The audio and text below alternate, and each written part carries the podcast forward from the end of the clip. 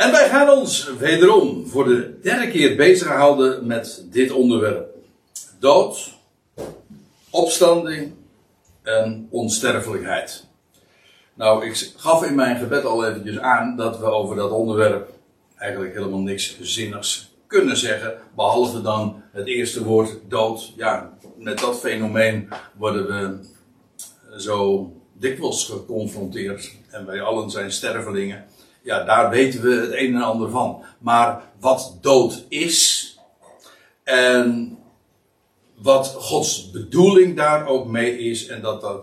En het perspectief op opstanding en onsterfelijkheid. Ja, daarover kunnen we slechts spreken. Juist omdat de levende God daarover het zijne heeft gezegd.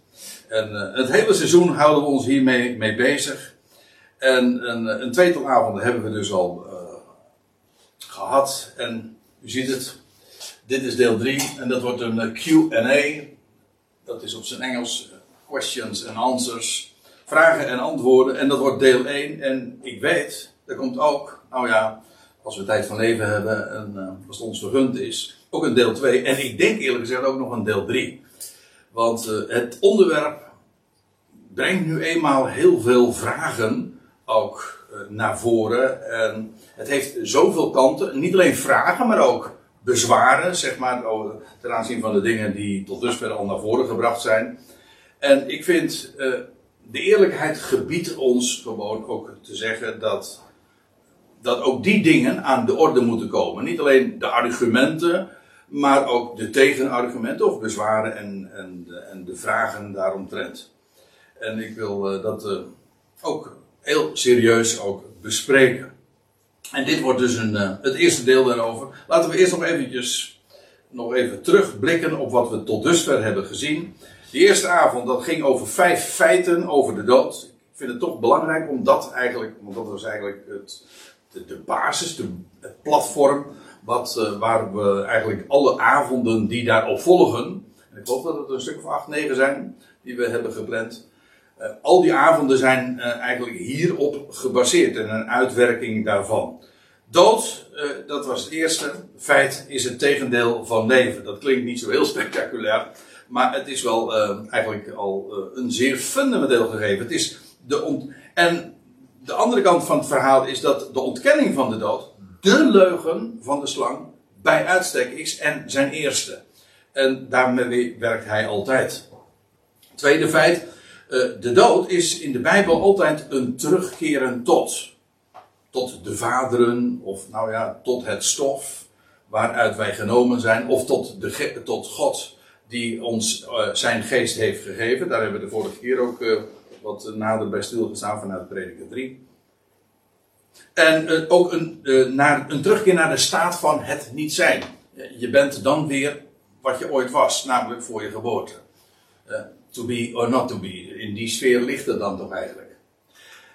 Dood is als een slaap. En dat heeft twee kanten. Nou, of in ieder geval in essentie twee kanten. In de eerste plaats, de slaap is een toestand waarbij men zich van niets bewust is. Dat is het ene. En het andere is, als je slaapt, dan word je daar normaal gesproken, en als het goed is, ook weer uit wakker.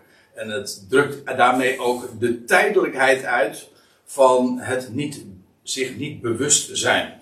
Men wordt weer wakker en men staat op. En ja, dat, dat, dat maakt de dood ook tot een, of de slaap ook een geweldige bijbelse metafoor voor de dood. En uh, daar direct op aansluitend, men wordt uit de dood, de dood gewekt om op te staan. Dus je hebt aan de ene kant opwekking of, wekken. En aan de andere kant heb je opstaan. Het ene is geestelijk, heeft te maken met het besef. Je wordt gewekt en daarna sta je op. En dat is de lichamelijke kant van het verhaal. En last but not least, de dood wordt als laatste vijand teniet gedaan. De Bijbel leert dat de dood is overwonnen, 2000 jaar geleden, toen de eersteling het graf leeg achterliet, eens voor altijd. Hij is de eersteling, hij is nog steeds de enige, de enige die onsterfelijkheid heeft, zegt 1 Timotheus 6. Maar dat feit is wel de garantie dat eens de dood als laatste vijand teniet gedaan zal worden. En dan zal er geen dood meer zijn. En dan zullen allen zijn levend gemaakt. Nou, dat is het geweldige uh, bijbelse uitzicht, panorama, uh, dat het, het, uh, het evangelie werkelijk de blijde tijding ons biedt. Dat is de essentie ook van het evangelie, dat de dood teniet gedaan wordt. Niet is, maar dood de, niet, sorry, de dood teniet gedaan wordt, ja. En onvergankelijk leven aan het licht gebracht. De tweede avond, dat was dus een maand terug. Toen hebben we ons bezig gehouden met de vraag van, ja, waar zijn de doden? Hoe spreekt de Bijbel daarover? En toen hebben we gezien, een paar dingetjes even op een rijtje zetten. Alle doden gaan uh, in stilte, dat is een, nogal een veel voorkomende uitdrukking in dat verband, naar één plaats. Allen treft éénzelfde lot en allen gaan naar één plaats. En, die plaats heet in het Hebreeuws en in het Grieks respectievelijk uh, het dodenrijk, of nou ja, in het, ja, in het Hebreeuws moet je dan zeggen Sheol. En de aardigheid daarvan is dat dat uh, in het Hebreeuws eigenlijk uh, het woord vraag betekent.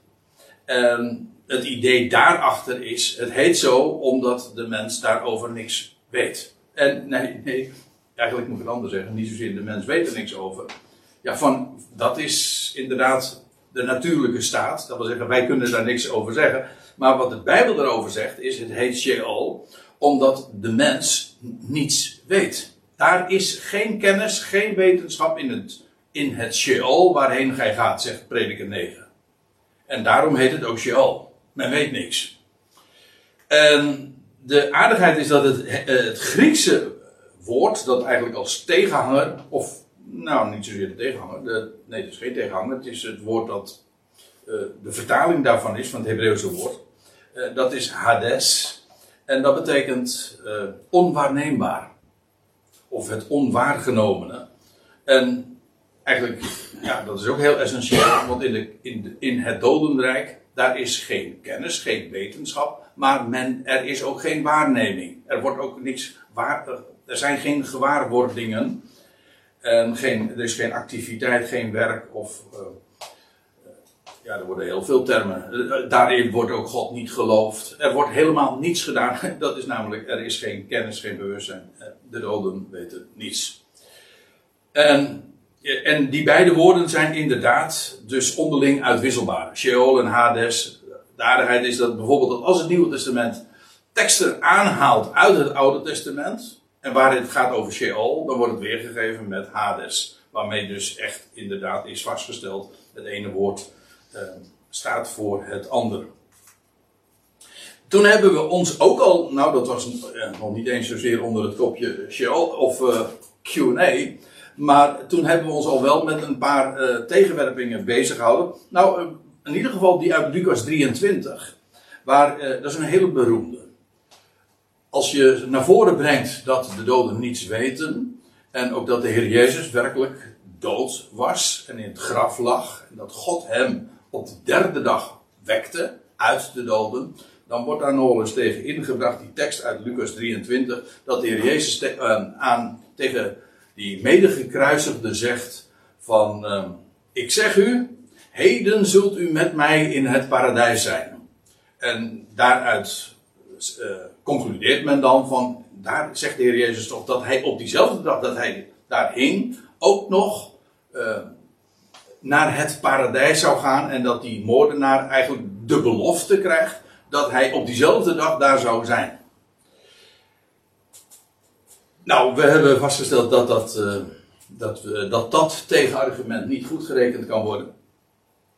In dit geval is die ook vrij simpel, omdat uh, het een kwestie ook van een leesteken is. De, de, zet je de komma één, één woord later, wat in, de, in het Grieks en in het Hebreeuws trouwens ook gemakkelijk kan, omdat het beide talen geen leestekens kennen. Dan, lees je de tekst. Ik zeg u heden. Kijk, de, de, de, nogmaals, de moordenaar die had gevraagd. Gedenk mij wanneer u in uw koninkrijk komt. En nou zegt de Heer. Nou, ik gedenk je niet dan. Ik, ik zeg je heden. U zult met mij in het paradijs zijn. En dan met deze lezing verdwijnt dus de hele tegenstelling met, of de tegenstrijdigheid met de rest van de Bijbelse boodschap. En uh, na de pauze hebben we ons uh, bezig gehouden met 1 Thessalonica 4, waar over de, de ontslapen gelovigen gezegd wordt dat zij gewekt zullen worden als de bazuin zal klinken. En dan, want de vraag was van, ja, hoe zit het nou met degenen die overleden zijn? En dan staat er van, nou, zij zullen, uh, wij, wij levenden zullen zeker de doden niet voorgaan. Maar staat er, uh, op het teken van de aartsengel, of van de, ja, van de archangel, staat, uh, als de bazuin zal klinken, zullen eerst zij gewekt worden. En daarna zullen wij, dat bij de volgende bazuinstoot, zullen wij uh, levenden veranderd worden. Maar dat is weer 1 Corinthië 15. Maar in ieder geval, dan zullen wij samen de Heer tegemoet gaan in de lucht. Samen met de dan levenden. Met andere woorden, uh, Paulus zegt van vertroost elkaar, moedig elkaar aan met deze woorden. Dit is de hoop. De doden slapen nu, de ons, het zijn de ontslapenen. En wat is hun hoop? Of wat, welke hoop hebben zij? Wel, dat is dat, uh, dat zij bij gelegenheid zullen worden gewekt. En samen zullen we de Heer tegemoet gaan. Dus niet één voor één zo in de loop van 2000 jaar. Het idee is dus dat dat een gezamenlijke gebeurtenis is. En nou, dat uh, gedeelte hebben we toen uh, in dat verband ook besproken. Nou, en dan wordt het de tijd om een aantal andere teksten nog in dat verband te noemen. En in de eerste plaats wil ik dan gaan naar uh, 2 Korinthe 5. Die, dat uh, gedeelte wordt namelijk ook nog wel eens een keertje aangehaald om daarmee te bewijzen, of ja, zo wordt het in ieder geval aangevoerd met dat oogmerk, om te bewijzen dat de dat wij het, het, lichaam verlaten en dan onze intrek nemen bij de Heer. En dan, dat wil zeggen, in een niet-lichamelijke toestand. Nou, laten we die versen eens lezen. En ik moet er dan meteen even bij zeggen dat als ik het op deze manier ga bespreken, dat God vorige keer ook al in verband met 1 Thessalonica 4, dan doe ik dat niet, als ik die passages doorneem, dan doe ik dat niet om die passages diverse te lezen, te, te bestuderen of uitvoerig te bespreken. Het gaat me speciaal om dit onderwerp en eigenlijk ook om de vragen en de bezwaren, zeg maar, daarin te bespreken die tegen de stelling worden ingenomen, namelijk dat de doden niets weten. Dat dood niet werkelijk dood zou zijn. Dat is het oogmerk waarom ik het noem. En uh, op die dingen ga ik dan ook wat uh, dieper in. En de rest, uh, nou ja, die probeer ik zoveel mogelijk te laten liggen, want ik heb weer een heleboel diaatjes. Oké, okay, 2 Korinthe 5. En daar begint Paulus met te zeggen, want wij weten dat indien onze aardse woning van de tent afgebroken wordt. Uh, ik uh, excuseer me nog, nog, een, nog maar een keer dat, uh, dat deze lezing soms wat afwijkt van de NBG-lezing, omdat die namelijk nogal letterlijk is.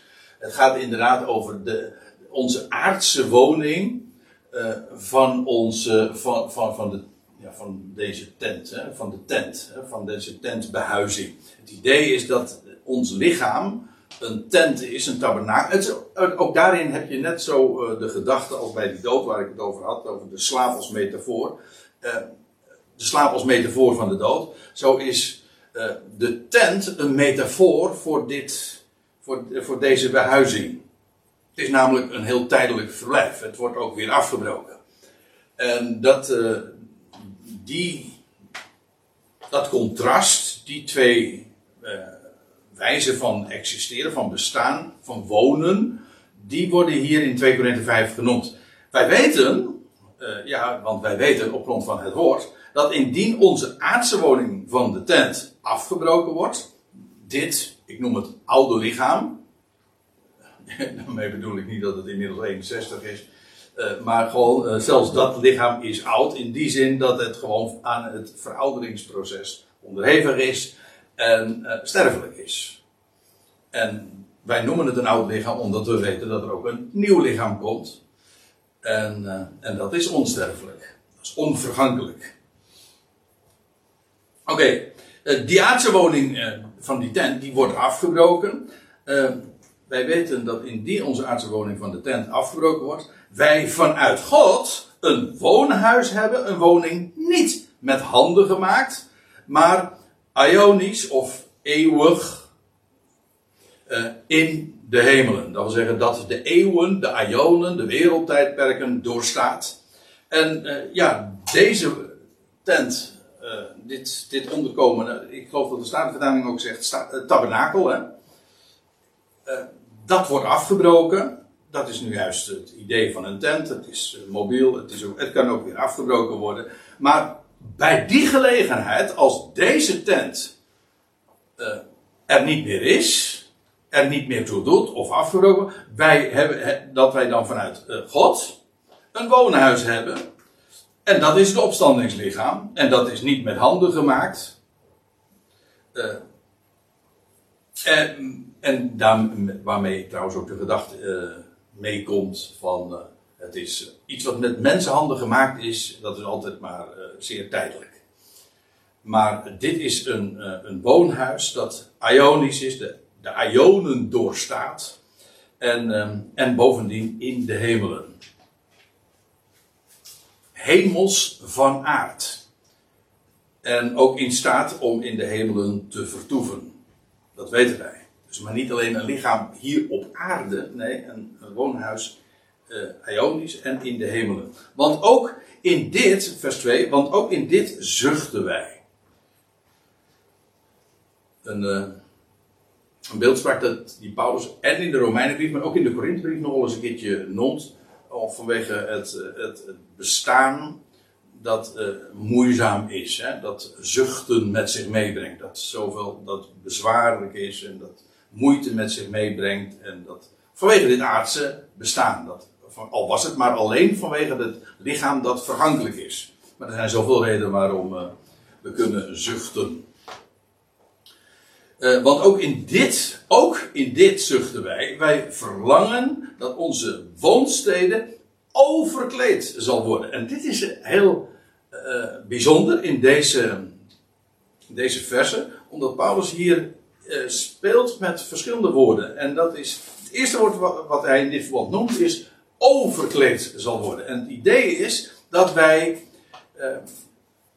in levende lijven uh, getransformeerd zullen worden. Dat wil zeggen, overkleed wil zeggen, terwijl we in dit bestaan, uh, in, dit, deze aardse tent vertoeven, dan zal, de, deze, dan zal onze woonsteden, dat wil zeggen waar we nu in wonen, overkleed worden. Gewoon, uh, nou laat, laat, ik het maar lezen zoals dat dan vervolgens dan ook uitgelegd wordt, ervan uitgaande dat wij bekleed en niet naakt bevonden zullen worden. Kijk, dat uh, noemt Paulus hier als optie. Hij, hij hangt ernaar, hij, hoe zegt hij het? Wij zuchten, wij verlangen dat onze woonsteden overkleed zal worden. Dat is geen garantie. Kijk, in die dagen was het daar ook nog, eh, dit was allemaal nog voor dat Paulus in Rome gearriveerd was, voor handelingen 28 tot die tijd was de, de verwachting nog, of in ieder geval de optie, dat de Heer in die dagen uh, zijn koninkrijk zou herstellen. dat was de vraag aan het begin van het boek Handelingen. Heer, herstelt u in deze tijd het koninkrijk voor Israël? En dan is het antwoord, uh, nou eigenlijk ontwijkend. De Heer zegt geen ja, geen nee, maar het, kan, het zou wel in die dagen gekund hebben. En het was zelfs zo dat onder de apostelen de verwachting heel sterk leefde. Men dacht ook dat bijvoorbeeld Johannes de, Johannes, de apostel Johannes, dat inderdaad nog zou meemaken in zijn dagen. In ieder geval, niet dat de Heer dat beloofd had, maar dat zong rond, dat was de gedachte. En dat had ook alles te maken met de, de vraag of Israël zich zou bekeren. Nou, tot handelingen 28 was dat inderdaad een reële optie. En Paulus hoopte inderdaad dat hij overkleed zou worden. En nu, 2000 jaar later, het is toen niet gebeurd. Ja, dat is een, want het is, ja, wij weten inmiddels uh, hoe, de, hoe het gegaan is. En Paulus legt dat later ook uit. Maar uh, nu die verwachting van, van die gebeurtenis, van die wegrukking, waar we, waar we over lazen in 1 Thessalonica 4, ja, die staat nog steeds te gebeuren. En als dat gebeurt, ja, dan zullen de doden opstaan. En de levenden, die zullen de tegemoet gaan. Ja, maar niet zomaar. Niet in dit oude kloffie, om zo te zeggen. Nee, dat wij zullen worden getransformeerd. Uh, in een ondeelbaar ogenblik veranderd worden. En dit sterfelijke zal onsterfelijkheid aandoen. En uh, hij zegt, kijk, eh, de optie is, het verlangen is om overkleed te worden, ervan uitgaande dat wij bekleed en niet naakt bevonden zullen worden. En dat is dat ons, kijk, naakt worden we bevonden, dat is waar Paulus het over heeft, is dat dit lichaam, hè, dat kleed, uh, afgelegd wordt. Ja, dan ben je naakt. Als je in levende lijven de Heer dat zal meemaken, dat je een nieuw lichaam krijgt, ja, dan wordt dit sterfelijke bestaan ineens overkleed, over, overruled, hoe moet ik het zeggen, uh, door het leven. Als daarentegen uh, Paulus nog uh, zou komen te overlijden, dan zou die naakt bevonden worden. Dat wil zeggen, die zou die dit kleed moeten afleggen. Dat kon. Dat is ook trouwens bij, in, in de hele generatie is dat ook gebeurd. want dan zegt hij ervan uitgaan dat wij bekleed en niet naakt bevonden zullen worden. Want ook die in de tent zijn, wij zuchten bezwaard. Omdat wij niet ontkleed willen worden. Ontkleed, dat wil zeggen naakt, hè? dat wil zeggen sterven. Dat het kleed wordt afgelegd. Maar overkleed. Opdat het sterfelijke verzwolgen zou worden door het leven. Kijk, bij degene die Sinds die tijd, sinds de dagen van Paulus, zijn overleden en zijn ontslapen, die, zijn in de, die hebben hun kleed afgelegd. En die krijgen dus, worden alsnog straks, bij gelegenheid, eh, zullen ze opstaan en zullen ze onsterfelijkheid verkrijgen. Maar, degene die overkleed worden, degene die in levende lijven dat zullen meemaken, en ik, uh, enig enthousiasme daar uh, kan ik moeilijk onderdrukken.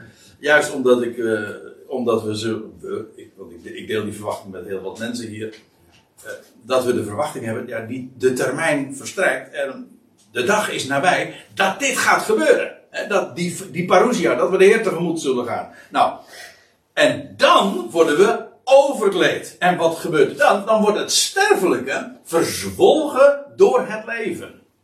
Niet het, kijk, degenen die opstaan, die zullen ook het leven ontvangen, maar dan is het niet het sterfelijke wordt verzwolgen door het leven. Nee, dan wordt het het gestorvene. Heb je hem? Kijk, het sterfelijke wil zeggen, dit is sterfelijk. Op het moment dat ik overlijd, dit kleed afleg, dan is het, dan is niet meer sterfelijk, dan is het gestorven. En waar Paulus het hier over heeft, is, hij wil niet, hij verlangt ernaar niet om ontkleed te worden. Niet omdat hij dan zonder verwachting is, maar het mooiste is om het in levende lijven te mee te maken en, uh, en overkleed te worden, opdat het sterfelijke verzwolgen zou worden door het leven.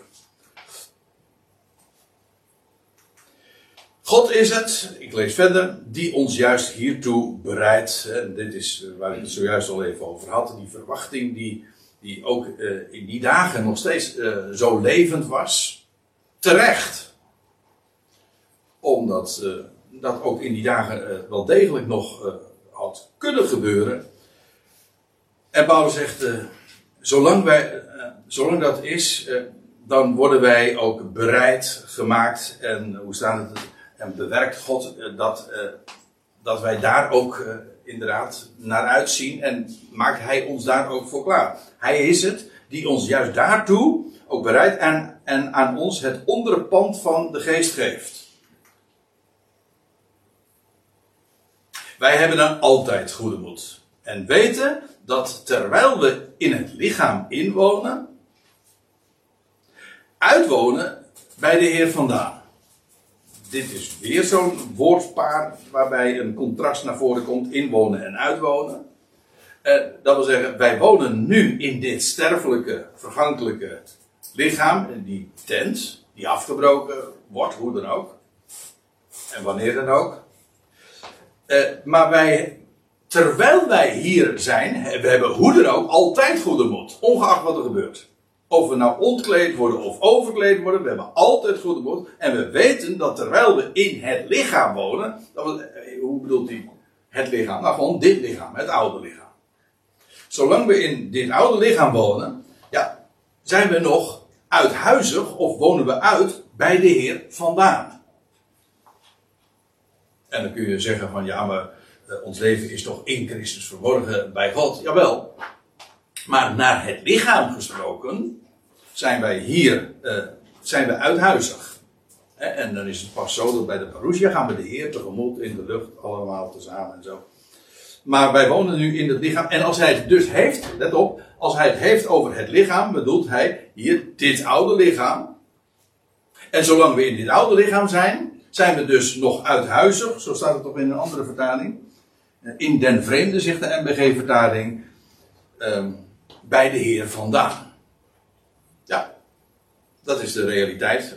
De, de logische gedachte is ook dat als we de Heer tegemoet gaan, zullen gaan, dat betekent dat we en dat, we, dat dat moment nu nog niet is aangebroken. Toch? Dus naar het lichaam zijn wij afwezig en zijn wij uitwonend. Want, zegt Paulus, wij wandelen door geloof. En niet door waarneming. Dat, dat is namelijk straks ook anders. Want dan is het inderdaad, dan wordt geloof, vertrouwen verwisseld met aanschouwen. En nu, dan is het, nu is er geen sprake van, van perceptie en van observatie. Nee, wij, wij weten dingen omdat God dat gesproken heeft. Maar wij wandelen door geloof, niet door waarneming. En wij, wij nu hebben goede moed, zegt Paulus, hij herhaalt het, wij hebben goede moed. En we hebben een behagen um, uit te wonen. Uh, uit het lichaam en in te wonen bij de Heer. En eigenlijk, dit is het vers wat dikwijls genoemd wordt. Om met de suggestie van, kijk, dan zijn we niet meer. Uh, als een, als, het idee is dan, bij, op het moment dat een, een gelovige overlijdt, dan, dan woont hij uit, uit hoe zeg je dat? Dan is hij uit, uit het lichaam en dan, gaat hij dan neemt hij zijn intrek bij de Heer. Maar dat is niet de gedachte. Als hij het heeft over het lichaam, dan gaat het over het oude lichaam. Hij zegt, we hebben er een behagen in om uit uh, te wonen, uh, uit het lichaam, dat wil zeggen uit dit oude lichaam. We verlangen ernaar om dit oude lichaam inderdaad te verwisselen voor dat nieuwe lichaam. En dan bij die gelegenheid ook in te wonen bij de Heer, want dan is het, en al zo zullen wij altijd bij de Heer zijn. Dus dat is dan de tegenstelling. En daarom zegt hij ook, daarom ook stellen wij er een eer in, het zij inwonend, het zij uitwonend. Want beide is waar, hè? We zijn inwonend in dit oude lichaam en we zijn daarmee dus ook uitwonend bij de Heer. Uh, ja. Ik geef toe dat de, de woorden misschien uh, wat, wat vreemd klinken. Want terwijl ik het nu zo uitspreek, vind ik het ook een beetje eigenaardig uh, overkomen. Vandaar ook dat de vertalingen soms ook wat vrijer zijn. Uh, bijvoorbeeld buitenhuis, er staat letterlijk van uitwonende. En dan hebben de, heeft vertalingen van maar in den vreemde. Klinkt wat uh, beter. Maar goed, ik, ik probeer dat zo dicht mogelijk bij het taalgebruik van de Bijbel te blijven. Ik vind dat wel een veilig idee. Maar Maar betekent dan inwonend uh, dat je dan in het nieuwe lichaam bent en uitwonend dat je hier nog bent? Um, ja, nou, ik denk hier, in, eh, in, dit geval, want hij had namelijk eerder gebruikte hij dat woord, uh, inwonend. Uh, dat was het. Ja, dit was hem. En wij weten dat terwijl we in het, in het lichaam inwonen, ja precies ja. Dus in dit oude lichaam wonen we in. En dus als hij dan later dus uh, zegt van het zij inwonend, het zij uitwonend, dat hij met dit inwonend weer hetzelfde bedoelt als wat hij in twee versen eerder uh, gebruikte. Dus het is niet zo van het zij uitwonend, uh, het zij inwonend, het zij uitwonend, dat er twee opties zijn. Het zijn eigenlijk, het is één, als, zoals ik het versta, het is één en dezelfde bestaanswijze van twee kanten benaderen. We, zijn, we wonen in, in dit oude lichaam en daarmee we wonen uit. Zijn in den vreemde ten opzichte van de Heer. Naar het lichaam dan. Maar het idee is dus niet, uh, en daar gaat het mij om, en daarom heb ik dit nu ook uh, ter sprake gebracht. Want ja, ik had de vorige keer natuurlijk ook uh, 1 Thessalonica 4 naar voren gebracht over de, de, het uitzicht dat uh, wij als gelovigen hebben ten opzichte van de ontslapenen. En dan zegt Paulus van ja, wij gaan gezamenlijk naar de Heer toe. Oké. Dan is dit een tekst die nog eens wordt aangehaald uh, met de gedachte van ja, dat de ontslapen gelovigen die zijn nu al uh, bij de Heer. En, uh, daar, en, dan wordt dit vers, nee, dat vers 8, nog wel eens een keer aangehaald. En ik denk dat als je het hele verband erbij betrekt, over dat ontkleed en overkleed, beziet dat de, gedachte, de doorlopende gedachte is, wij op het moment dat we een nieuw lichaam krijgen, dan, ja, dan wordt dit lichaam inderdaad afgelegd of overkleed. En de, bij die gelegenheid, dat gaat dus inderdaad over het moment hè, dat wij, uh, nou ja, waar hij het in 1 Thessalonica 4 ook over had, namelijk die van uh, de wegrukking of de parousia, of hoe je het ook maar zeggen wil.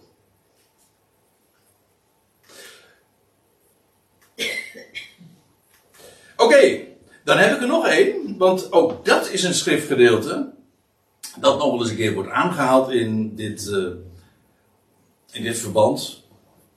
En ook als argument wordt, voor, uh, wordt voorgesteld, als argument wordt aangedragen om de gedachte, vanwege de gedachte dat de ontslapen gelovigen nu reeds bij de Heer zijn, zijn.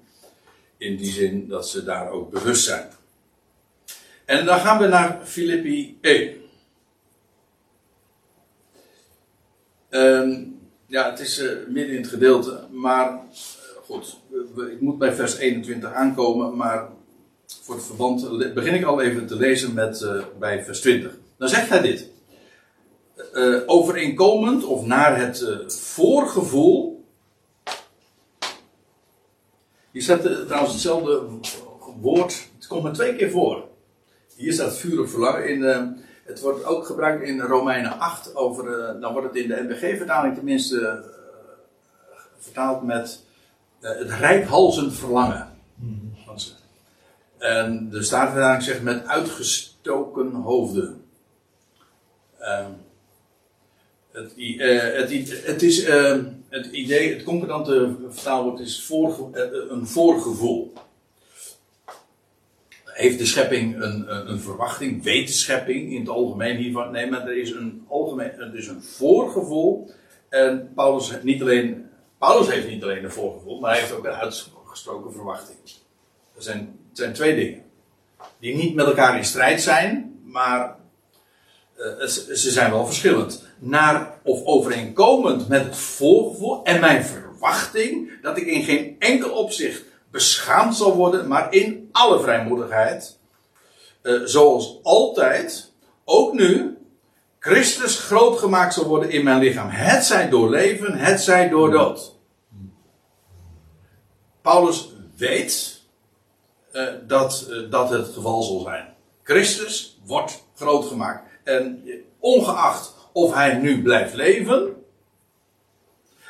of dat hij zou sterven, door executie, door marteldood. Hij, in beide gevallen zou Christus groot gemaakt worden. Dat weet hij. En uh, daar, uh, daar, was geen enkele twijfel uh, over bij hem. En dan zegt hij, en dan krijg je die bekende woorden in vers 21. Want het leven is voor mij Christus en het sterven winst. En u voelt hem natuurlijk, uh, is ook voorgevoel, uh, u voelt hem wel aankomen.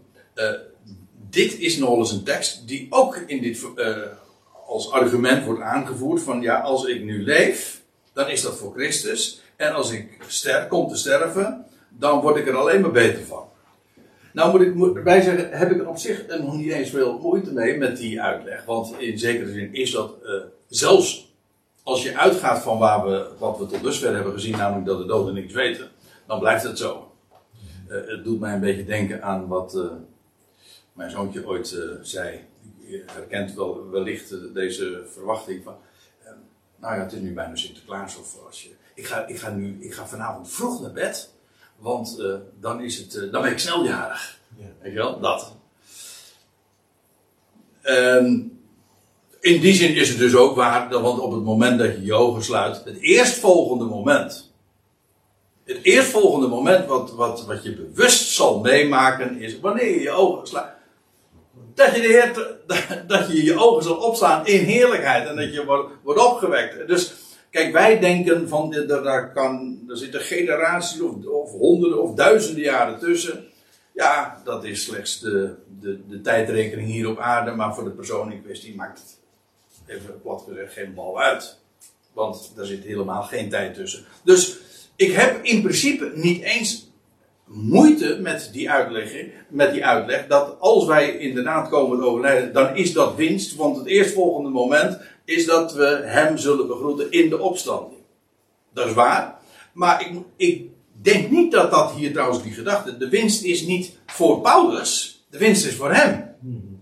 Hij zegt, het te leven is voor mij Christus. En sterven, dat is ook alleen maar winst voor hem. Dus uh, ik denk dat je dat, dat egocentrische van het belang voor, ons, voor, voor ons als gelovigen. Ik zeg niet dat het er niet is, maar dat is niet de wijze waarop Paulus hier, daar, uh, hier uh, over spreekt. De winst, het gaat hem om Christus. Maar hoezo? Nou, te leven is voor hem Christus dan denk je dat nou dat het bij het sterven een ander zou zijn? Nee, dan gaat het ook om zijn zaak en dat zal dan ook alleen maar winst zijn. Ik lees even verder, want uh, komt, er komt namelijk dan nog iets uh, in diezelfde lijn aan de orde. Hij zegt, want als te leven in het vlees voor mij, um, te leven in het vlees voor mij vrucht van werk betekent, kijk, als hij blijft leven, dan kan hij werken. Dan kan hij zijn arbeid doen en dat zal vrucht opleveren. Dat te leven of te blijven leven, zo zegt geloof ik. Ja, in, in de MBG-vertaling zegt ook, en dat is ook uh, denk ik de gedachte. Uh, indien ik blijf leven, ja, in, in het vlees, dan, kan ik, dan, dan zal uh, het vrucht, dan zal het werk betekenen. Dat dan kan ik dingen doen en dan zal dat vrucht opleveren. Dus ja, en dan, dan komt de, vervolgens de vraag: aan wat ik voorkeur zal geven, dat maak ik niet bekend. In de MBG-vertaling staat van: dat weet ik niet. Maar dat staat, dat staat er niet, dat weet ik niet. Dat maak ik niet bekend, dat zeg ik niet. Misschien had Paulus daar wel een idee over. Maar dat, waarom, maakt waarom maakt hij dat niet bekend? Ik denk, hij wil het in het midden laten omdat het namelijk niet ter zake doet. Of je, ja, ik had het net over to be of not to be. Uiteindelijk is dat niet onze zaak. Er is één die ons leven regisseert en bestuurt. En Paulus zegt van of ik nou blijf leven, of dat ik zou komen te overlijden, of kom te sterven, in dit geval, want daar heeft hij dan over, over een, een een marteldood of uh, anderszins een executie. Hij zegt, in beide gevallen, hij zegt, te leven is voor mij Christus en sterven ook voor hem winst. Hij zegt, ja, wat ik moet kiezen, dat weet ik niet. Of nee, dan zeg ik het zelf ook. Uh, dat maak ik niet bekend, dat zeg ik niet. Uh, want die beide opties, die zijn daar en Paulus laat zijn voorkeur helemaal in, in, in het midden. Dus die twee dingen te blijven leven dan wel te sterven. Hij zegt, ik word gedrongen, ik word gedrongen van beide zijden. En dat wil zeggen, in, in, beide zijden, in, in leven blijven of sterven. Er is in beide gevallen een aandrang, en dat, wilde, dat hoeft nog niet eens te betekenen dat hij, dat hij zelf die, dat verlangen zou hebben naar het een of het ander. Nee, maar gewoon in beide gevallen is daar, is daar druk. Hè? Dus ik, ik, word samen, ik word samengedrukt. Dat wil zeggen, ik word in beide richtingen eigenlijk bewogen. Dan wel om te blijven leven. Eh, dan wel uh, is daar ook voortdurend die druk die maakt dat, eh, dat, ik, dat, ook, dat ik ook zou, komen, zou kunnen komen te sterven. Hij zegt, ik word gedrongen van beide zijden. En dan zegt hij, ik begeer op te breken. Of uh, in de MBG-vertaling, of nee, de, letterlijk staat het losmaking. En nou komen we ook weer even op een punt. Ik heb nou meteen erbij gezegd wat het is. Maar ik moet eigenlijk nog, ik, ik ben een beetje te vroeg misschien. Omdat hier in de, er is een vertaling die zegt van, nee, ik meen de staande vertaling, ontbonden te zijn. Ontbonden te zijn. En dan denk je, bij die term ontbinding, ja, dan denk je al heel sterk bij aan de dood. Uh, dus het, is, ontbinding is eigenlijk bij ons een heel uh, macaber begrip. In, bij, in twee opzichten. Ontbinding zou dan kunnen betekenen van los te zijn van het aardse bestaan. En het heeft ook nog, de, nog veel macabere gedachten van. Uh, namelijk dat wat gebeurt met, met het lichaam. Hè? Dat tot ontbinding overgaat. En die associatie wordt opgeroepen. En vandaar ook dat de MBG-vertaling zegt: Ik verlang heen te gaan. Letterlijk staat er dus die losmaking. En kijk, het, komt erop neer. Paulus zegt: Er zijn twee dingen. Ik word van beide zijden. Er zijn twee dingen waar hij uh, toe gedrongen wordt. Te, te blijven leven dan wel te sterven. En hij zegt: Wat mijn voorkeur is. Hij zegt, dat laat ik in het midden. Hij zegt, als het gaat om die twee opties. Maar er is een derde ding. Een derde optie. En daarvan zegt hij, dat is verreweg het beste. Ik, ik begeer op te breken. Het idee is dan inderdaad heen gaan. De term wordt namelijk uh, ook gebruikt voor het uh, je stekkie verlaten. En zoals wij een tent opbreken. Ja, heb je weer het woord? Mm. Uh, een tent breek je op. En dan ga je van, van A naar B. En, en, daar, eh, en, en dat is wat Paulus begeert. Hij zegt, begeer op te breken. Hoezo? Nou, en samen met Christus te zijn. Want dat is, zegt de MBG-vertaling nou, verreweg het beste. Of letterlijk, veel eer, veel beter. Dat. Dus als het gaat om blijven leven of sterven, daarvan zegt Paulus, dat laat ik in het midden. Maar er is iets waar ik echt naar van. En dat is veel eer, veel beter, namelijk dat is dat eh, ik eh, mijn losmaking, en dat is eh, heen te gaan, of zo u wilt, op te breken, dat wil zeggen de opstanding. En door opstanding komen we bij hem, want dat is begeer op te breken en samen met Christus te zijn. En dan ja, bevestigt dit precies volgens mij wat we tot dusver eigenlijk de hele tijd nog hebben gezien. Door, het is door opstanding dat we naar hem gaan. En trouwens, als je even doorbladert in dezezelfde brief, dan zul je dat ook zien. Dat hij zegt, ik lees het even voor uit de MBG-vertaling. Want wij zijn burgers van een rijk in de hemelen, waaruit wij ook de Heer Jezus Christus als verlosser verwachten, die ons vernederd lichaam veranderen zal, zodat het aan zijn verheerlijk lichaam gelijkvormig wordt naar de kracht waarmee hij ook alle dingen aan zich kan onderwerpen. Dit is die gebeurtenis. Dit is waar Paulus naar haakt en naar, uh, waar hij naar uitziet. Hè? Waar hij naar begeert. Hè? Om samen met Christus te zijn bij deze gelegenheid. Dat is de verwachting die hij heeft. Uh, als de verlosser zal komen. En die zal dan dit vernederd lichaam veranderen. En nu, hier, in beide gevallen, uh, het zij dat Paulus uh, dit nog in levend leven zou hebben meegemaakt, het zij hij al zou overleden, in beide gevallen wordt dit vernederd lichaam veranderd, getransformeerd. Het zij door opstanding, uh, het zij door overkleed te worden. dus. Maar in deze situatie is er dan geen dood en opstanding. Oh, oh, je bedoelt in, in dit geval, als hij zegt dat dit een opstand. Nou, eigenlijk moet ik zeggen een opstandingslichaam. Ja, ja, ja, ja. dat klopt, ja.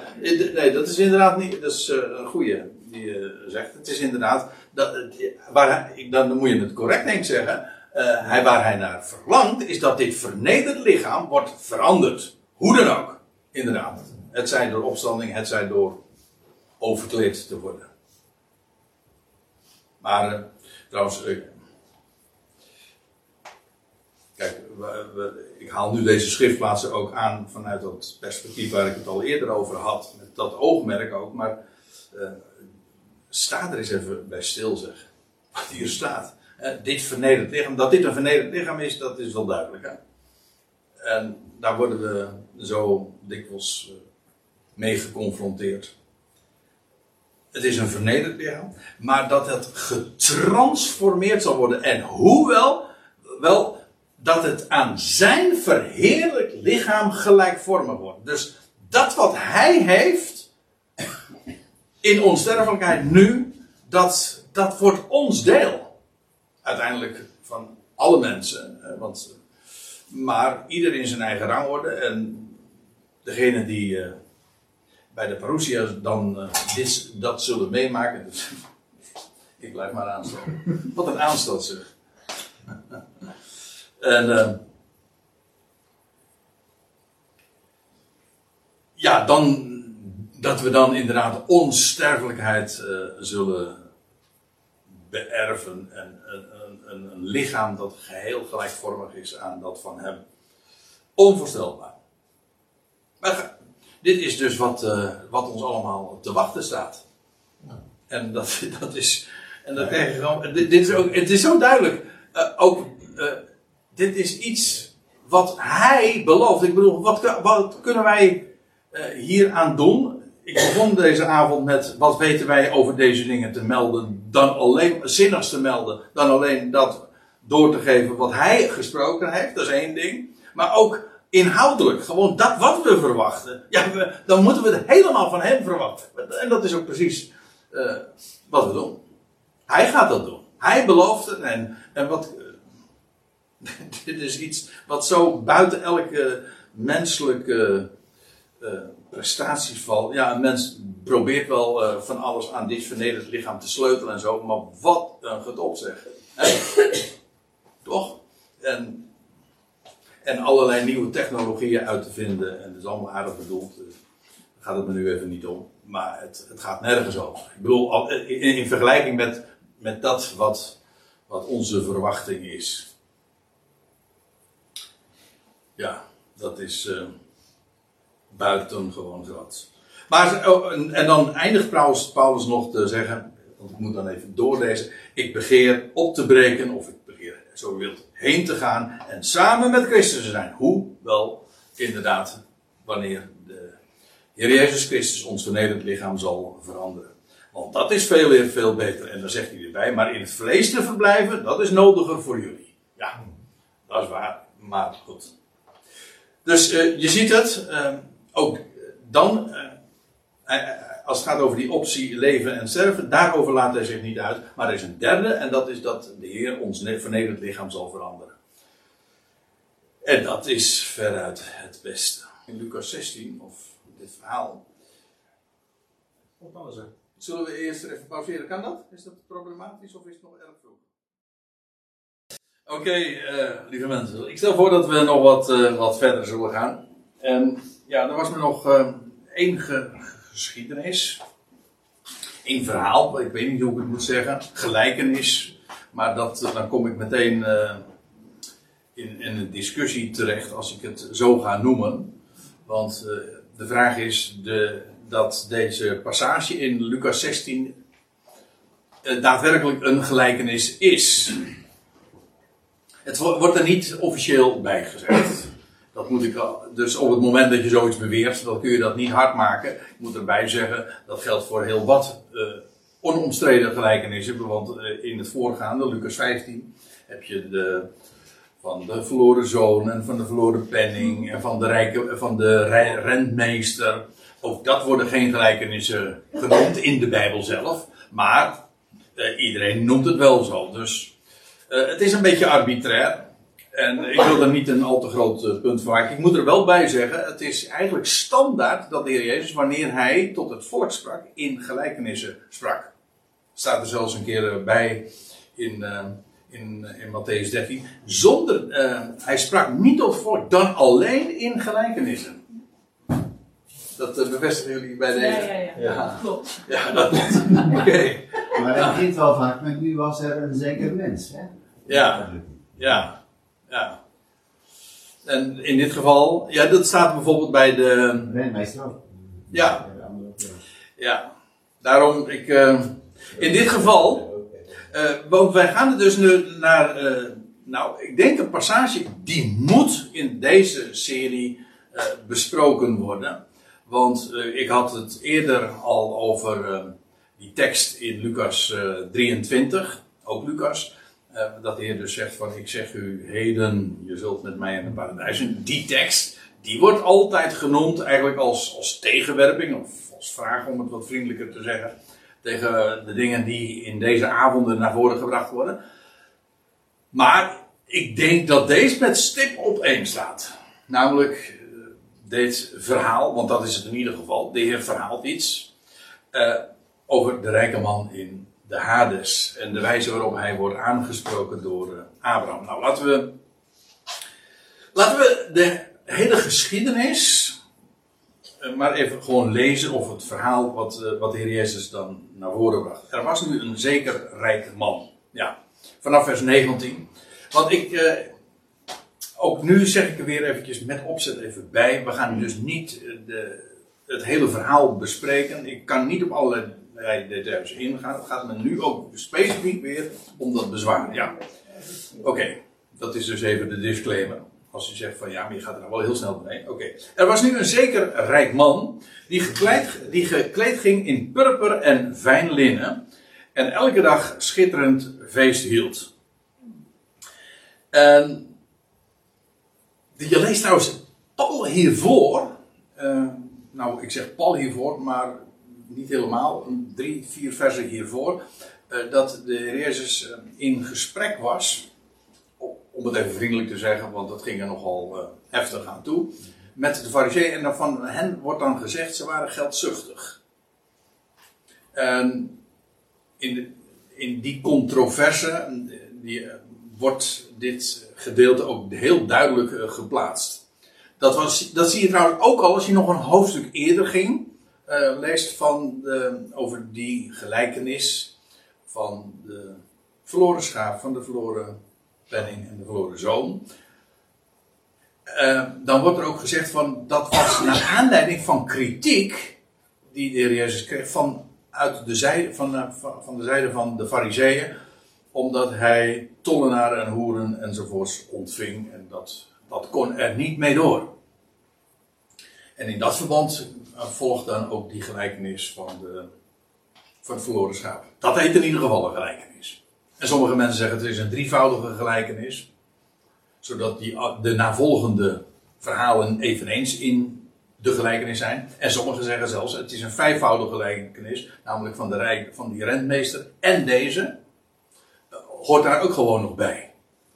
Dan is het één gelijkenis met vijf facetten, vijf aspecten. Ik laat dat even voor wat het is. Eh, dit is wel opvallend. Dan weet je, dan is wel de toon meteen gezegd, want deze, rijk, dit, eh, deze rijke man, die ging gekleed in purper en fijn linnen. En dat is, dat is respectievelijk koninklijke kled- kledij en priestelijke kledij. Heel uitdrukkelijk lees je dat. Ehm, in verband met purper, eh, ook diverse keren in, ik heb hier even twee schriftplaatsen, Esther, wordt daar gesproken, maar eh, in, ehm, in verband met de priesterkleding wordt heel dikwijls gesproken over dat het fijn linnen was. En als ik het zo zeg, koninklijk en priestelijke kledij, ja, dan bepaalt ons dat wel meteen bij de positie van het volk van Israël, dat eh, door God zeer rijk gemaakt is. En die inderdaad een koninklijk priestelijke roeping heeft. En de kledij die deze man droeg, eh, beeldt dat, eh, beeldt dat ook eh, helemaal uit. Hij hield elke dag schitterend feest. En er staat er eh, ook bij, en er was een zeker arm man, Lazarus genoemd. Dat is wel eigenaardig, dan die rijke man heeft geen naam, of in ieder geval zijn naam wordt niet vermeld en deze man wel. En de aardigheid daarvan is dat we helemaal niet weten wie die Lazarus... Ja, we kennen wel een Lazarus. Maar dat was weer niet deze. Trouwens, Lazarus, eh, wat, het, gaat, in feite is het niet zozeer een identificatie. Want we kennen deze figuur helemaal niet. Want die Lazarus die we wel kennen, dat, is die, eh, het, eh, dat, dat was de, broer van Ma- Martha en Maria. Ja, die heette, ja, dat is heel eigenaardig hoe die dingen dan door elkaar lopen. Ik kom er straks misschien nog eventjes op terug. Maar eh, deze heette Lazarus.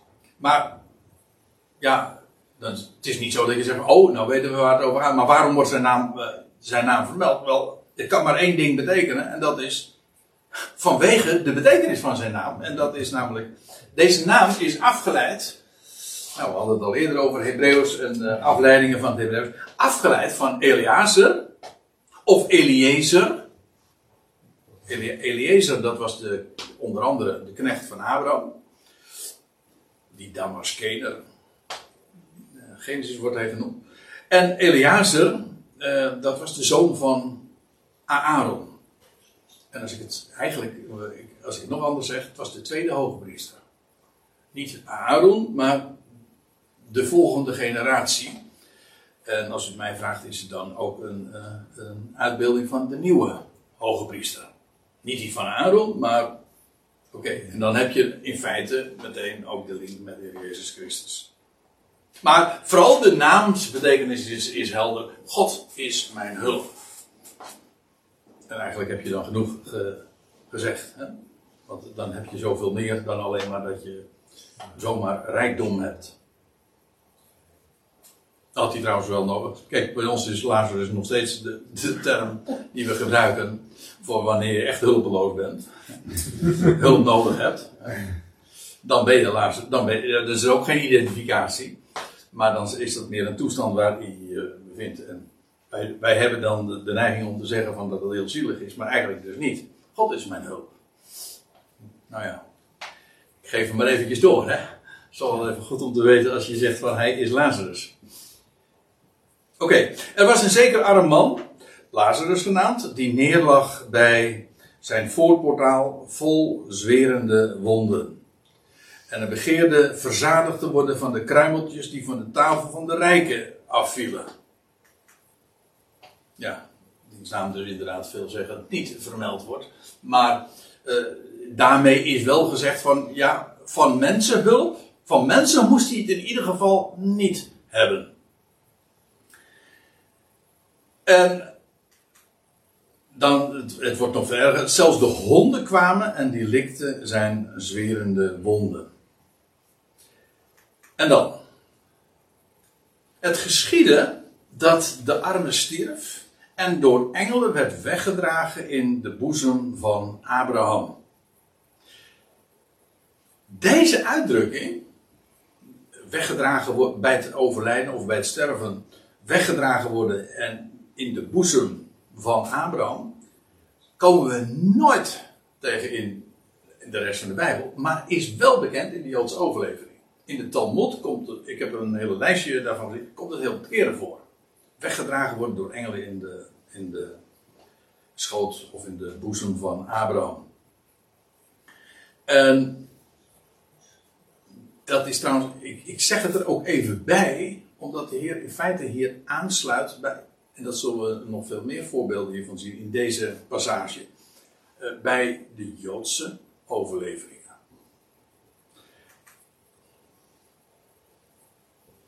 Trouwens, eh, in dat geval, als we het over de Joodse overleveringen hebben, eh, er wordt nog wel eens een keer gesproken over, over het een aandeel hebben in, met, tezamen met Abraham. Je leest in, in Lucas 13 eh, dat eh, wanneer, gij, eh, wanneer gij Abraham en Isaac en Jacob zult zien en al de profeten in het koninkrijk, in het koninkrijk van God, maar u zelf, en dan, heeft, dan richt hij zich tot zijn volksgenoten, in het bijzonder trouwens ook weer de leidslieden, maar jullie zijn buiten geworpen. Dat wil zeggen, als het koninkrijk aanvangt, en dan, dan liggen daaraan in, bij het feest, dus als, als een uitbeelding ook inderdaad van de vreugde van die dag, Abraham, Isaac en Jacob. Per slot van rekening, de belofte is bij hen begonnen. En heel naastreek genomen bij Abraham. En Isaac en Jacob waren de erfgenamen bij uitstek. Maar goed, ehm, dan, dan zie je al ehm, dat bij, als het koninkrijk aanvangt, dan zal Abraham daar uiteraard bij zijn. En degene die dat aandeel met hem zullen delen, eh, met al de profeten, dat zal eh, typerend zijn voor het koninkrijk. Maar er zullen velen van het volk zijn. En het pijnlijke is dat de Heer dit uh, nogal eens een keer zegt. Juist tegen degene die als eerst juist claimden uh, de meeste rechten daarop te hebben. Het hele idee dat anderen hen zouden voorgaan. Zeker hoeren en tollenaren. En dat zij als leidslieden, als, als, als als de, de, de, bewaarders van de orthodoxie en van de leer en van de overlevering. En dat zij buitengeworpen zouden worden. Ja, uh, dat deed. Dat staat er trouwens ook bij, hè? Daar zal het geween zijn en het tandengeknars. En dat wordt heel vaak in verband gebracht met, uh, met pijn. Maar dat is, dat, in de Bijbel vind je die lijn niet. Ween, geween en tandengeknars heeft te maken met toorn en woede. Kijk het maar eens na. Uh, over, als, over, zij knarste de tanden. En dat is, dan, dan is dat altijd een uitbeelding of een, een term die staat voor woede, uit, uh, voor woede. En het, je leest dat ook bijvoorbeeld van de, als Stefanus, die, die felle reden houdt in Handelingen 7. Mm. Dat, dat zijn toehoorders, dat was het van het Sanhedrin, zij knarste de tanden. Ja. Je kan het, van buiten, je kan het de duisternis noemen, denk ik. Ze uh, ja, want ze zijn buiten de. Ik denk ook dat zij buiten de, de, de feestzaal zullen zijn. De verlichte feestzaal. En ze zullen, zij zullen dus niet in het feest meemaken, maar ze zullen buiten geworpen worden. Ik zie dat. Uh, die lijn zie ik ook, ja. En zij en mensen, er staat er nog in Lucas 13 bij, ze mensen zal komen van oosten en westen, van noord en zuiden, ze zullen aanliggen in het koninkrijk Gods. Dus ook weer die gedachte van de feestzaal. En en waar Abraham zal zijn. En dat is één idee, maar dat bij het sterven iemand wordt weggedragen door engelen in de boezem van Abraham. Dat is een idee van het hiernamaals dat later in het Jodendom is gekomen, dat onbekend is in, in de, bij de, in de wet en de profeten, bij Mozes en de profeten, maar later in de Joodse overlevering er wel bijgevoegd is het hele idee van een hiernamaals en van een onsterfelijke ziel is ook in het Jodendom binnengedrongen. Heel uh, eigenaardig, want je zou zeggen van nou, als, als er één volk is dat zou moeten weten op grond van de schrift, ik bedoel van de wet en de profeten, dat de doden niets weten, dan, is het, dan zijn zij het wel, want alles in het Oude Testament is volstrekt helder. De doden weten niets en kunnen niks en die geloven God niet. Alles spreekt ervan. Dus eh, dat het Jodendom nou ja, dat was trouwens ook een van de verwijten die de Heer Jezus uh, iedere keer weer naar hen toe uitte. Van, uh, jullie, hebben de, door jullie hebben de schriften krachteloos gemaakt door jullie eigen overlevering. En die hebben het overroeld. En dan staat er, ook nu de, de, de rijke nu stierf en werd begraven. Nou, dan weten we waar hij is. Ja. Maar nu, staat er iets. En nou, en nou komen we natuurlijk op het punt wat uh, altijd wordt aangevoerd als argument van zie je wel. Uh, in, dan staat er, en in het dodenrijk hief hij, die rijke, zijn ogen op. Wacht even. Kijk, dit bewijst. Er zijn, er zijn twee opties. Of dat Jezus met dit verhaal beoogt af te wijken van Mozes en de profeten. Zo van, ja, dat staat wel in jullie Bijbel, maar ik ga jullie vertellen dat het anders is. Of hij zegt dat, of hij, of hij geeft juist door dit zo te benoemen aan dat zijn luisteraars, die de schriften kennen, weten op voorhand dat dit dus niet letterlijk eh, kan zijn. Omdat vanuit Mozes en de profeten, die weten dat de doden, dat uh, de doden niks weten. En onmogelijk is dat, dat je je ogen opslaat. Want als het kenmerken van het dodenrijk is, of van de Sheol, of van de Hades, is juist dat je niets kunt waarnemen. Dat betekent Hades nu juist. Want ik had het al eerder toch gezegd over dat Hades, dat is onwaar, het onwaarneembaar of het onwaargenomen. Hoe kan je daar je ogen in opslaan dan? Het loutere feit dat de Heer dit zo zegt, geeft al aan dat voor de goede verstaande vanuit de schrift dit nooit letterlijk kan zijn. En, eh, en trouwens, het vervolg eh, blijkt dat ook. Want er staat nog bij, in, hij sloeg zijn ogen op in kwellende pijnen en zag hij Abraham van ver af en Lazarus in zijn boezem. Moet u je voorstellen. Dat dit, dit is, wijkt af van alles wat we vanuit de schrift weten. Maar er, komt bij dat er heel veel ongerijmdheden er ook zijn. Hè? Want, kijk, in het dodenrijk zien is een contradictio in terminus. Dat is een heel duur woord, maar dat betekent gewoon dat is een innerlijke tegenstrijdigheid.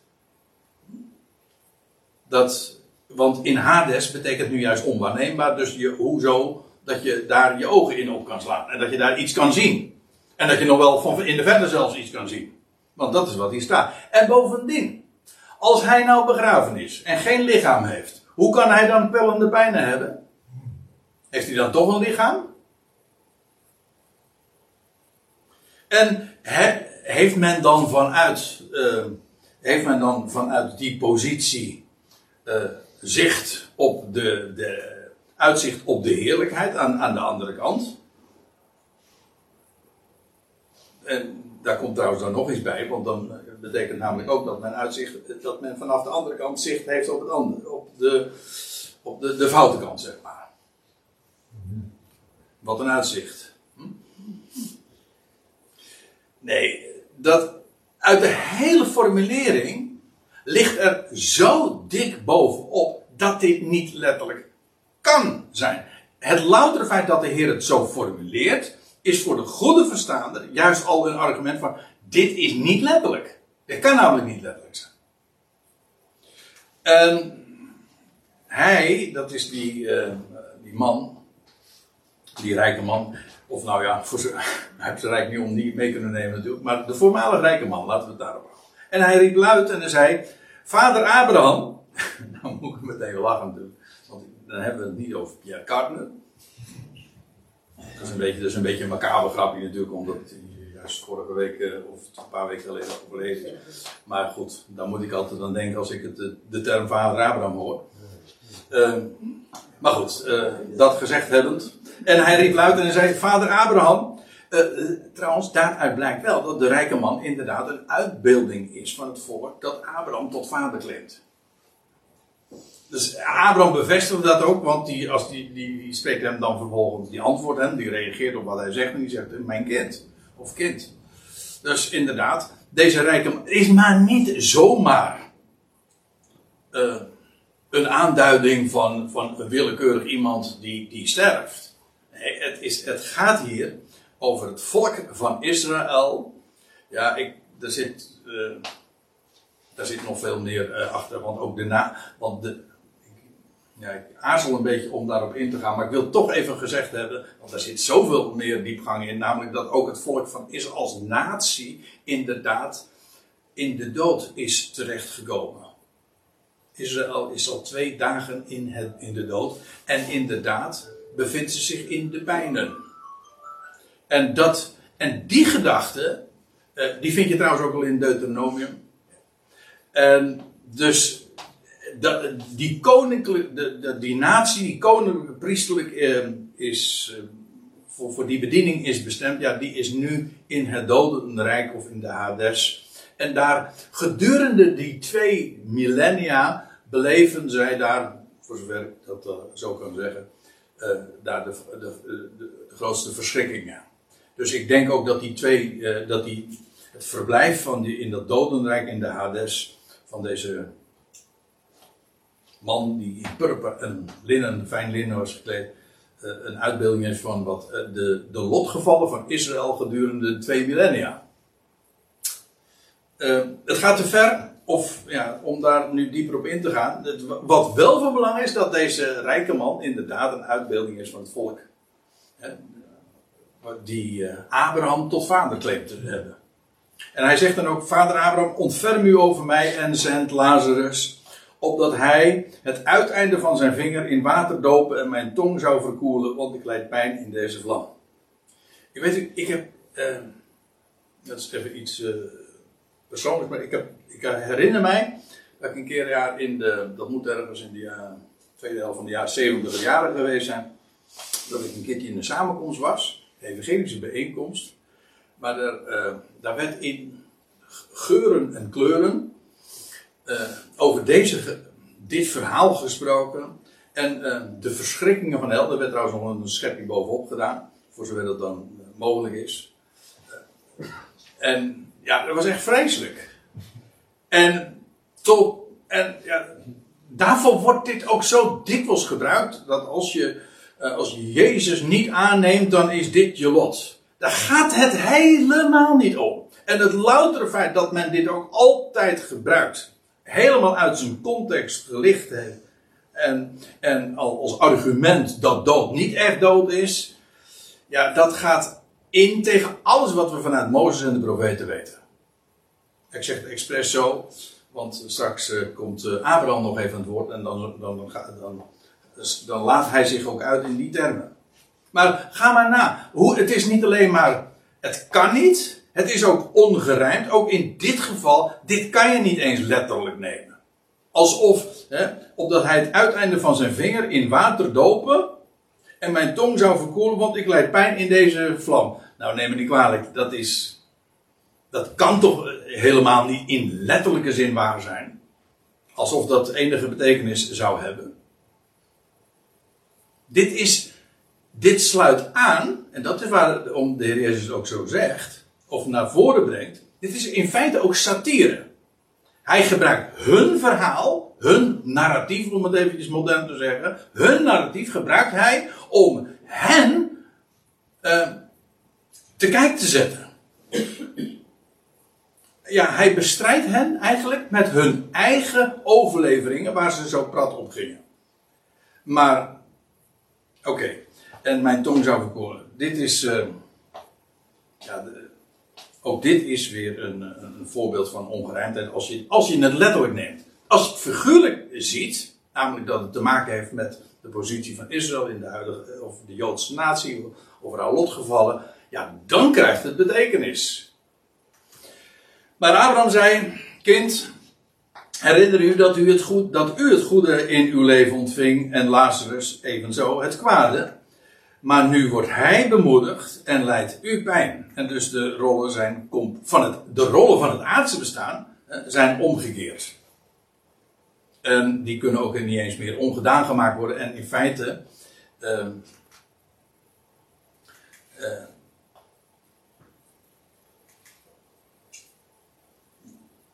in, fe- in feite, wat, hier eh, naar voren gebracht wordt, is dat, dat straks bij het aan, dat inderdaad wanneer de feestmaaltijd zal aanvangen, hè, dan eh, waarbij er ook dat, dat grote verschil zal zijn van, zij, van hen die aanzitten en degenen die buiten geworpen zijn, ja, dat is dan niet meer ongedaan te maken. Dat blijkt ook wel. En bij dit alles is er tussen ons en jullie een grote kloof gevestigd. Nou, daar had ik het eh, zojuist al even over. Zodat degenen die over willen steken, van hier naar jullie toe, dit niet zouden kunnen zien. Het, dit, niet, pardon, dit niet zouden kunnen. En zij ook niet vandaar naar ons toe kunnen komen. Dus de kloof eh, werkt naar twee kanten toe. Zij niet eh, hier en wij niet daarheen. Maar ook hier trouwens weer de gedachte. Hoe groot denkt u, als dit letterlijk waar zou zijn, dat de heerlijkheid is als je zo'n uitzicht zou hebben? Dat heb ik trouwens al. Misschien vind ik dat nog wel een van de meest sprekende voorbeelden. Dat is toch bizar.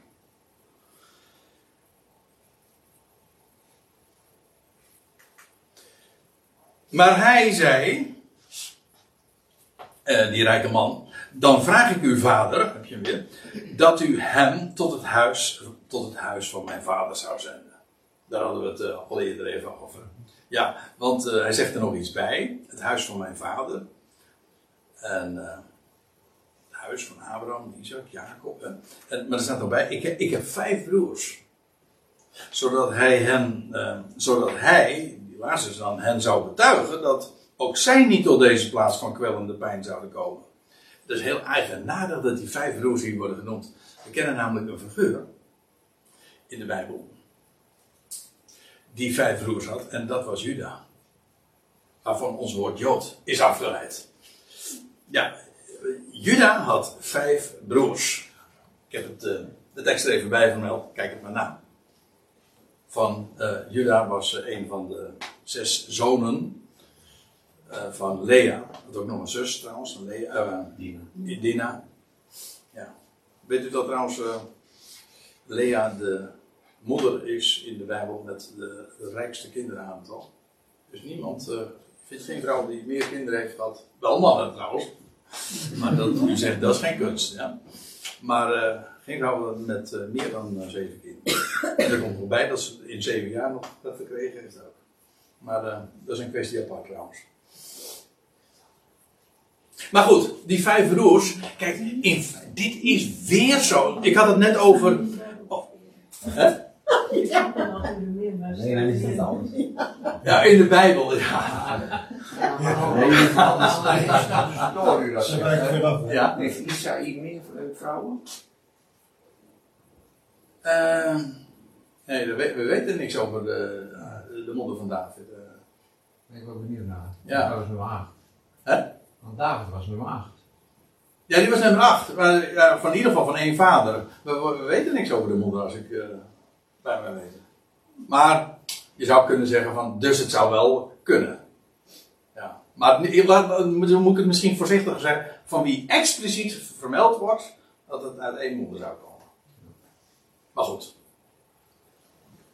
Het is slechts een beetje. En op het moment natuurlijk dat ik dat eh, aan publiek maak, dan, eh, dan, weet, ik altijd van, dan komen reacties op. Oh, wat dacht je hiervan dan?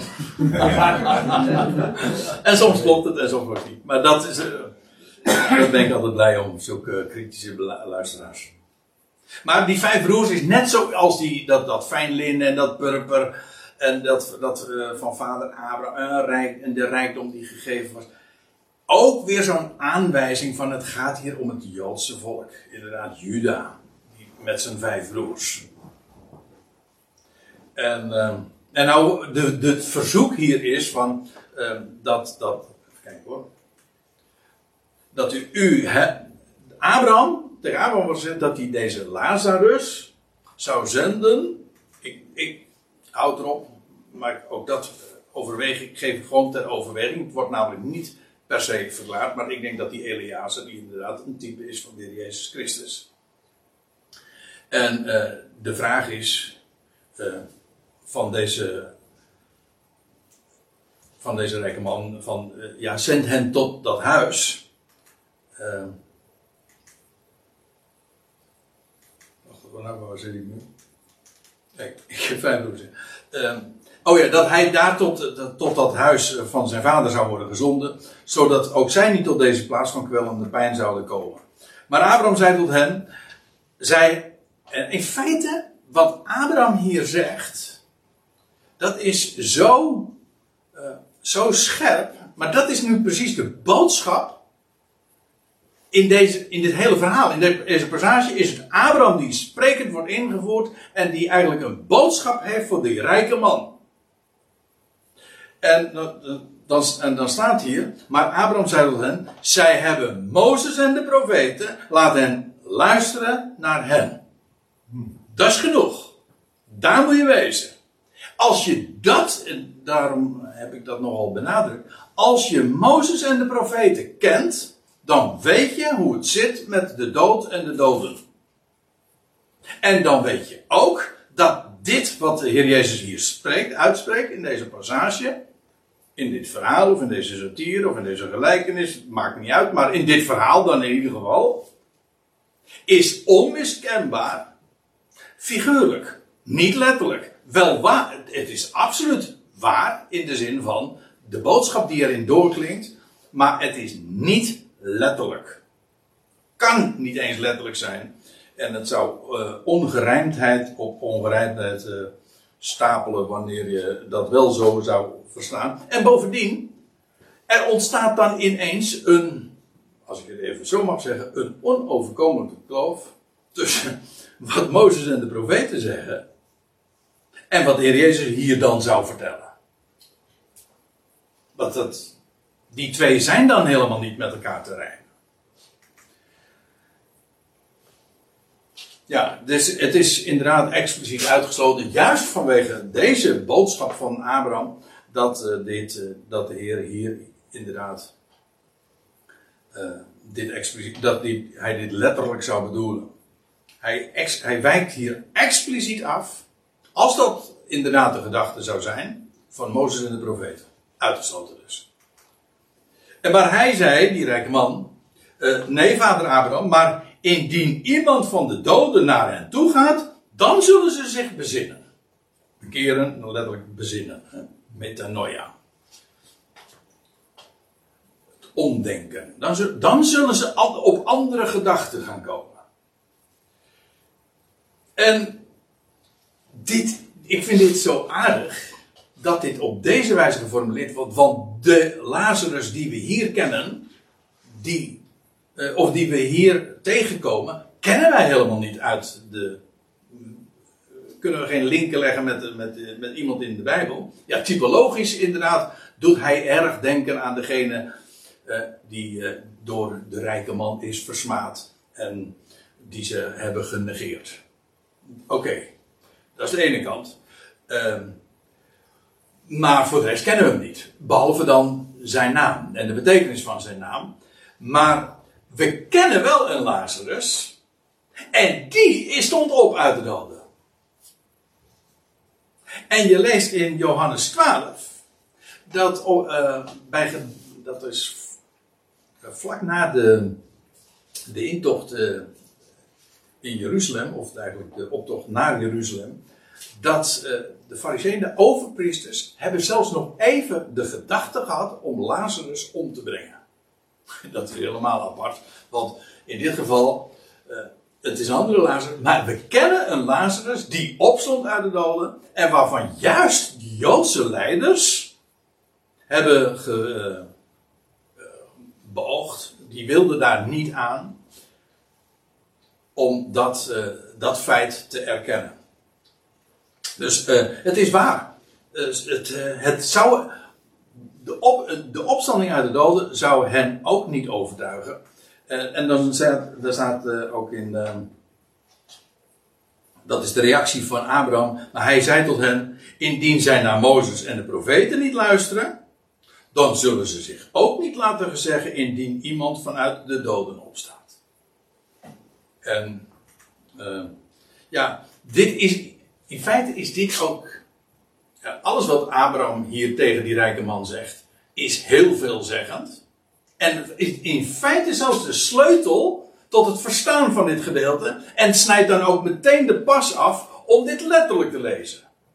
Namelijk, je moet wezen bij Mozes en de profeten. Dan weet je hoe het zit.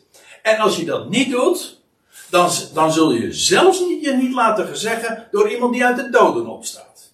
Dat is, er is een Lazarus opgestaan uit de doden. En die wilden ze inderdaad, die hebben ze zelfs nog overwogen om te vermoorden. En bovendien, ja, eh, dat is trouwens ook de reden waarom de Heer Jezus, je leest van de Heer Jezus ook, hij, eh, het laatst, eh, bij zijn laatste publieke optreden, dat hij die snerende reden heeft gehouden tegen de fariseeën en de schriftgeleerden. Je leest dat in Matthäus 23. Eh, wit gepleisterde graven. En nou, dat, eh, dat dat, dat ligt er niet om. Wat hij daar, waar hij hen daarvoor uitmaakt. En hoezeer ze inderdaad de schriften hebben verkracht. En dan, en, en dan zegt hij aan het einde daarvan, van die, eh, van die toespraak, en jullie zullen me niet meer zien. En zegt in Johannes even, de wereld zal me niet meer zien. En maar ook de Joodse, ze zullen me niet meer zien. Het laatste wat ze van hem hebben gezien, is een, een, graf waar hij in gelegd werd. En het laatste, dat het graf ook weer leeg was, maar hem hebben ze niet meer gezien. En later lees je in het Johannes, in het, in het boek Handelingen, dat, ehm, dat Petrus tegen in het huis van Cornelius zegt van ja, hij is verschenen. Niet aan het hele volk, maar aan mensen die hij tevoren heeft uitgekozen. Dat wil zeggen de, de wereld, maar ook het Jodendom, het volk, heeft hem niet meer gezien. Er komt een moment dat ze hem zullen zien. Ja, dat is waar. En dat zal, dat zal ook het einde zijn. Dan zal Israël ook al uit de doden opstaan. Dat is niet het onderwerp van deze gelijkenis of van deze passage, dat weet ik wel. Maar het gaat hier vooral over de verschrikkingen die eh, er zijn. Die het, het, het volk dat in, in purper en linnen is gekleed, die koninklijke priestelijke natie, de verschrikkingen die het heeft getroffen. Eh, en waarom? Wel, ze hebben niet geluisterd naar Mozes en de profeten. Als ze daar wel naar hadden geluisterd, hadden ze Lazarus herkend. En, en bovendien, eh, zij hebben ook inderdaad niet geloofd in eh, de boodschap van de opgestane Christus. Nou, ja, dat is de laatste. Eh, tot mijn verbazing, ik, ik had 50 dia's en ik dacht van, dat gaat hem niet worden vanavond. Maar zie ik heb dan toch nog dit gedeelte enigszins kunnen bespreken. En ik heb zo, ik geef toe, ik had heel sterk het gevoel bij dit laatste, vooral de bespreking van Lucas 16, een beetje hap-snap was. Eh, maar ik hoop één ding in elk geval toch wel duidelijk gemaakt te hebben. Dat is dat altijd dit gedeelte wordt opgevoerd om te bewijzen dat de doden niet echt dood zijn. Volstrekt ongerijmd is en niet in overeenstemming is Mozes en de profeten. En dat dat nu juist de clue is van het hele verhaal. Nou, als dat overgekomen is, dan, eh, dan ben ik blij. Goed. Men vertaalt Ik ook constant, eh, dode, dodenrijk, vertaalt men daar met hel, hè? In de Statenvertaling en in de Herziene Statenvertaling ook weer. Ook weer hel. Ja, ook weer hel. De- over dat probleem hebben we. Nou, daar hebben we de vorige keer al wel wat over geha- gehad, natuurlijk. Ja, dat, is- ook dan zie je weer hoe gekleurd men dan dat weergeeft. Want eh, met- dat deed men ook al met, eh, met in die keren eh, dat men Sheol. Soms, ook de Statenvertaling is niet concordant. de- dat de Statenvertaling soms Sheol weergeeft met hel. Namelijk wanneer het over goddelozen gaat. Maar als Jacob naar, het, naar, naar, naar de Sheol gaat, dan heet het ineens dodenrijk. Ja. En in dit geval ook, ja, die rijke man, ja, die was in de hel. Maar als de Heer Jezus in diezelfde plaats is, dan, eh, wordt- dan heet het ineens weer dodenrijk. Nou, ook niet allemaal trouwens, want dan is het ook nog nedergedaald ter helle. Maar zie je, het is zo'n verwarring.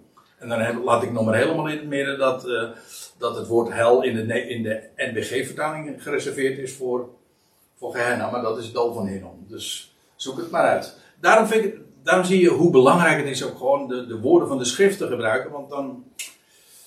Het is toch al lastig genoeg om, eh, om als Nederlanders ons bezig te houden met Hebreeuwse, Griekse, van oorsprong Hebreeuwse en Griekse woorden. Maar om de woorden van de schrift, ja, de, de credits te geven die toekomt. God heeft zich niet voor niks in die talen uitgedrukt.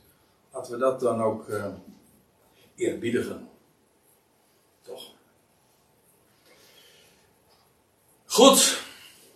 Nou, eh, dat was eh, dus deel 1 van de QA. De, er zijn nog een heel aantal schriftgedeelten die absoluut besproken moeten worden. Denk bijvoorbeeld aan eh, Mozes en Elia op de, de- de berg. Trouwens, over Mozes en Elia is eh, nog wel veel meer eh, te, te melden. En over de geesten in de gevangenis. U, denkt, u dacht dat er geen andere eh, schriftgedeelten meer zijn? Die ook allemaal te maken hebben met deze, met deze dingen. Nou, dan kan ik u bij een volgende gelegenheid uit de droom. Ja, wakker maken.